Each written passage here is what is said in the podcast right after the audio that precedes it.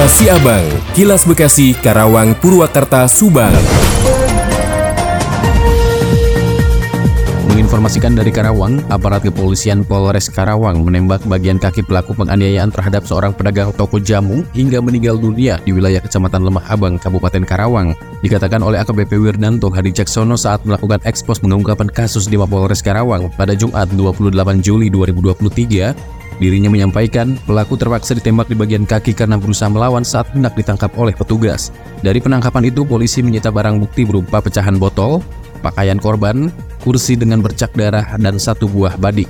Kapolres mengatakan peristiwa penganiayaan itu terjadi di Dusun Selang 2, Desa Ciwaringin, Kecamatan Lemah Abang, Kabupaten Karawang pada Selasa 18 Juli sekitar pukul setengah 11 malam. Wirdanto menyampaikan saat kejadian korban berinisial F 37 tahun dianiaya oleh pelaku berinisial S 31 tahun. Penganiayaan dilakukan dengan menghajar korban menggunakan botol minuman beralkohol ke bagian kepala korban. Setelah itu, pelaku berkali-kali menusukkan pisau ke bagian pinggang korban. Peristiwa penganiayaan itu terjadi akibat pelaku kecewa dan marah karena ditolak saat meminta minuman beralkohol gratis oleh korban. Untuk mempertanggungjawabkan perbuatannya, kini pelaku ditahan di rumah tahanan Mapolres Karawang.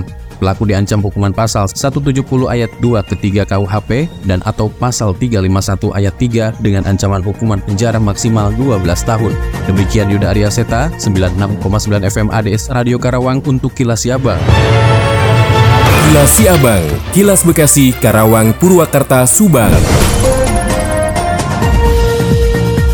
Dari Subang dikabarkan, Inspektorat Daerah atau Napi Irda Kabupaten Subang menemukan ada permasalahan dalam pengelolaan aset di 22 desa yang akan menggelar pilkades serentak. Tugas Irda saat ini memastikan agar aset di 22 desa tersebut dapat dikelola dengan baik, sehingga saat peralihan jabatan kepala desa dapat berjalan baik dari sisi pengelolaan asetnya. Kepala desa sebelumnya dapat memastikan aset desa dikelola dengan baik, lalu kepala desa selanjutnya dapat menjaga aset desa tersebut. Inspektorat IRDA Kabupaten Subang Dr. Randus R. Mehmet Hikmat MW mengatakan pada semester pertama tahun 2023 IRDA telah melakukan audit terhadap 22 desa yang akan menggelar pilkades serentak. Pelaksanaan audit tersebut digelar untuk memastikan aset milik pemerintah desa tidak hilang. Juga apabila ditemukan aset desa belum bersertifikat maka untuk segera disertifikatkan. Hasil temuan IRDA banyak aset desa yang rusak di 22 desa yang akan menggelar pilkades serentak termasuk ada juga aset desa yang hilang. Menurutnya, audit yang dilakukan bertujuan untuk menjaga aset yang ada di desa terdata dengan lengkap, juga memastikan kades yang masa jabatannya masih bisa mempertanggungjawabkan aset desa. Mehmet mengingatkan kepada para kades yang akan habis masa jabatannya untuk mempersiapkan dokumen aset desa saat serah terima jabatan nanti. Sebelumnya, Kepala Dinas Pemberdayaan Masyarakat Desa Kabupaten Subang Dadan Dwiyana menyebutkan sebanyak 22 desa akan menggelar pilkades serentak pada 3 Desember 2020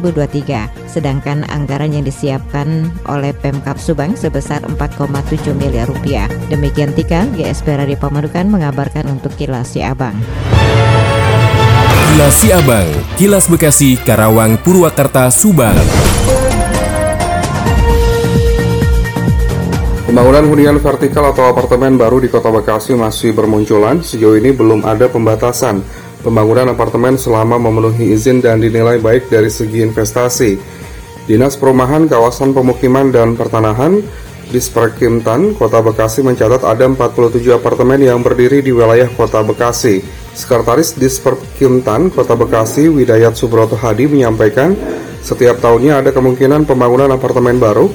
Penambahan apartemen setiap tahunnya diklaim tidak banyak, hanya terhitung 1 sampai dengan 2 setiap tahunnya.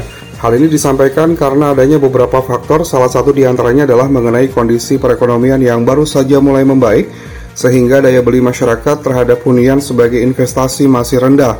Pengawasan di Sperkimtan terdapat beberapa apartemen yang sedang dalam proses pembangunan di wilayah kota Bekasi, salah satunya disebabkan wilayah stasiun Bekasi dan juga eksit tol Bekasi Timur.